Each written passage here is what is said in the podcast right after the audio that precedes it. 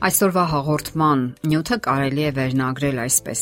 Կորսված ժամանակ։ Մի փոքր ձևափոխելով վերնագիրը կարելի է այն անվանել այսպես. գողացված ժամանակ։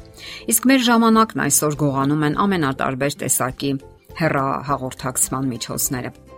Դրանք կարող են լինել համակարգիչը, հեռուստացույցը, հզոր ծրագրերով հեռախոսները, թերթերն ու զանգվածային լրատվության այլ միջոցներ։ Երբեմն նրանց անվանում են հրեշներ, որոնք էկրաններից հարձակվում են մեզ վրա եւ կլանում մեր ժամանակը։ Եվ մի օր մարդիկ իրենք էլ չհասկանալով ու չգիտակցելով դա հայտնվում են հրեշի ամենակուլ ճիրաններում եւ կախվածությունը աստիճանաբար խորանում է։ Դա դրսևորվում է մտածողության կարծրատիպերում, բնավորության մեջ եւ պարզապես վարքում տեղեկատվության հզոր աղբյուրները մեծապես ազդելով մարդու մտածողության վրա ներարկում են արժեքներ ու չափանիշներ, ուղղորդում մտածողությունը, իսկ հաճախ որոշումներ կայացնում մարդու փոխարեն, որովհետև մարդն այլևս մտածում է այն կարծրատիպերով, որոնք ներշնչվել են նրան բազմագույն եթերներից։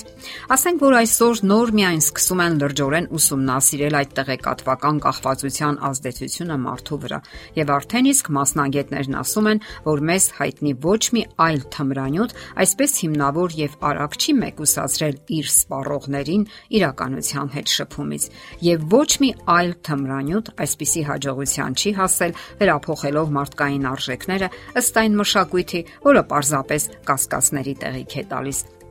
իսկ այդ մշակույթը պարզապես կործանարար է միլիոնավոր մարդկանց համար։ Օրինակի համար այսպիսի մի ծես ամենօրյա լուրերը դիտելու ծեսը Միլիոնավոր մարդիկ են իրենց համար սրբազան ծեսի միջոցով հսկայական քանակի բացասական տեղեկատվություն կլանում։ Դա ներկայացվում է որպես իրականությանը հաղորդ լինելու, նրան համահունչ քայլելու եղանակ, որ հարկավոր է լինել ժամանակի ընթացքի մեջ, քայլել նրան համահունչ։ Սակայն արդյոք այդքան կարևոր է իմանալ, թե ինչ է կատարվում մեզանից հազարավոր կիլոմետրեր հեռու մի երկրում, երբ չգիտենք անգամ թե ինչ է կատարվում մեր ներսում։ Առավել եւս, որ շատ հաճախ այնպես են աղավաղում իրադարձությունները, իրենց հարմար ձևով ներկայացնելով, որ միանգամայն այլ պատկեր է մեզ ներկայանում եւ ընդհանրապես խախտվում է մեր պատկերացումները իրականության մասին եւ այս ամենը թափվում է մեզ վրա ահռելի քանակությամբ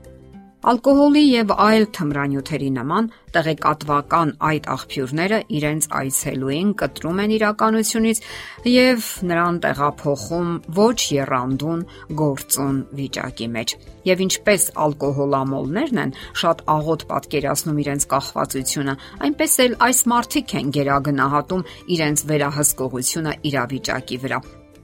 Նրանք սովորաբար այն կարծիքին են, թե իրենք են վերահսկում իրավիճակը։ Հերոստացույց նայելու սովորությունը թույլաtsնում է մարդկային հարաբերությունները, կրճատելով, իսկ երբեմն էլ ընդհանրապես վերացնելով միմյանց հետ շփվելու, կիսվելու մարդկային բնականon հարաբերությունները որովհետև մարդն ապրում է կարծես մեկ այլ ավելի կարևոր իրականության մեջ՝ լի հորինովի արժեքներով Երբ իմի ենք բերում կախվածությունների հիմնախնդիրների, փորձագետների կարծիքները եւ եզրահանգումները, մեզ համար տհաճ հետևության ենք հանգում։ Հերոստացույցը զոմբիացման թեթև զենք է։ Այն ունի իր գիտական բացատրությունը։ Հերոստացույցի լեզուն պատկերների լեզուն է իսկ այն ընկալվում է միայն աճ կիսագնդով։ Իսկ աճ կիսագունդը, ինչպես հայտնի է, 94%-ով զբաղվում է միայն մեր յենթագիտակցությամբ եւ վարքագծի յենթագիտակցական մղումներով։ Ընդհանուր առմամբ, այդպիսին է հերոստացույցի ազդեցությունը գլխուղեղի վրա։ Եվ ահա հերոստացույցը կախվածության այնքան կերրիկներ ունի, որքան հաղորդումների տեսակներ ունի այն։ Հերոստամոլների յուրաքանչյուր տեսակ ունի իր առանձնահատկությունները։ Կան այսպես կոչված ալիքամոլ մոլներ, ովքեր անընդհատ փոխում են ալիքները։ Կան այնպիսիք, որոնց տանը հերոստացույցը ընդհանրապես չի անջատվում։ Նեղ մասնագիտացման օրինակ կարող են ծառայել թոք-շոուների կամ խաղերի եւ վիկտորինաների սիրահարները։ Հերոստաթմրամոլության մեջ առավել երկար եւ առավել խոր խորասուզվում են սերիալներից կախված անznավորությունները։ Այս մարդիկ իրենց գորշ ու միապաղաղ կյանքը հաճույքով փոխարինում են գունավոր, սուր տեսարաններով հարուստ, հրահրող, վիճահարույց, սակայն արհեստական եւ պարզապես օճառի պղպջակ հիշեցնող կյանքի հետ։ Հերոստատեսային անուրջների այս հորինովի աշխարհը այնքան է ձգձգվում, որ մարդը ըստ էության սկսում է ապրել հերոստացույցի մեջ, որը անառողջ եւ անիմաստ ծնունդ է տալիս այդ մարդկանց, լցնելով եւ իբր թե հարստացնելով նրանց խիստ աղքատներ աշխարհը։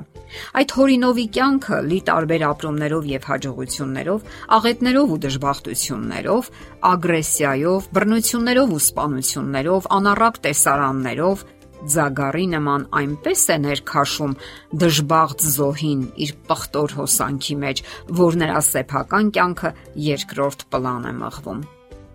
Անգլիացի բժիշկները դեռևս Բեննի Հիլի նշանավոր շոուներից հետո սկսեցին պահանջել, որ այդ սերիալները անպայման ուղեկցվեն այնպիսի մակագրություններով, որոնք կան ծխախոտների տուփերի վրա։ Առողջապահության նախարարությունը զգուշացնում է, հերոստասերիալները վտանգավոր են ձեր առողջության համար։ Եվ այսպես,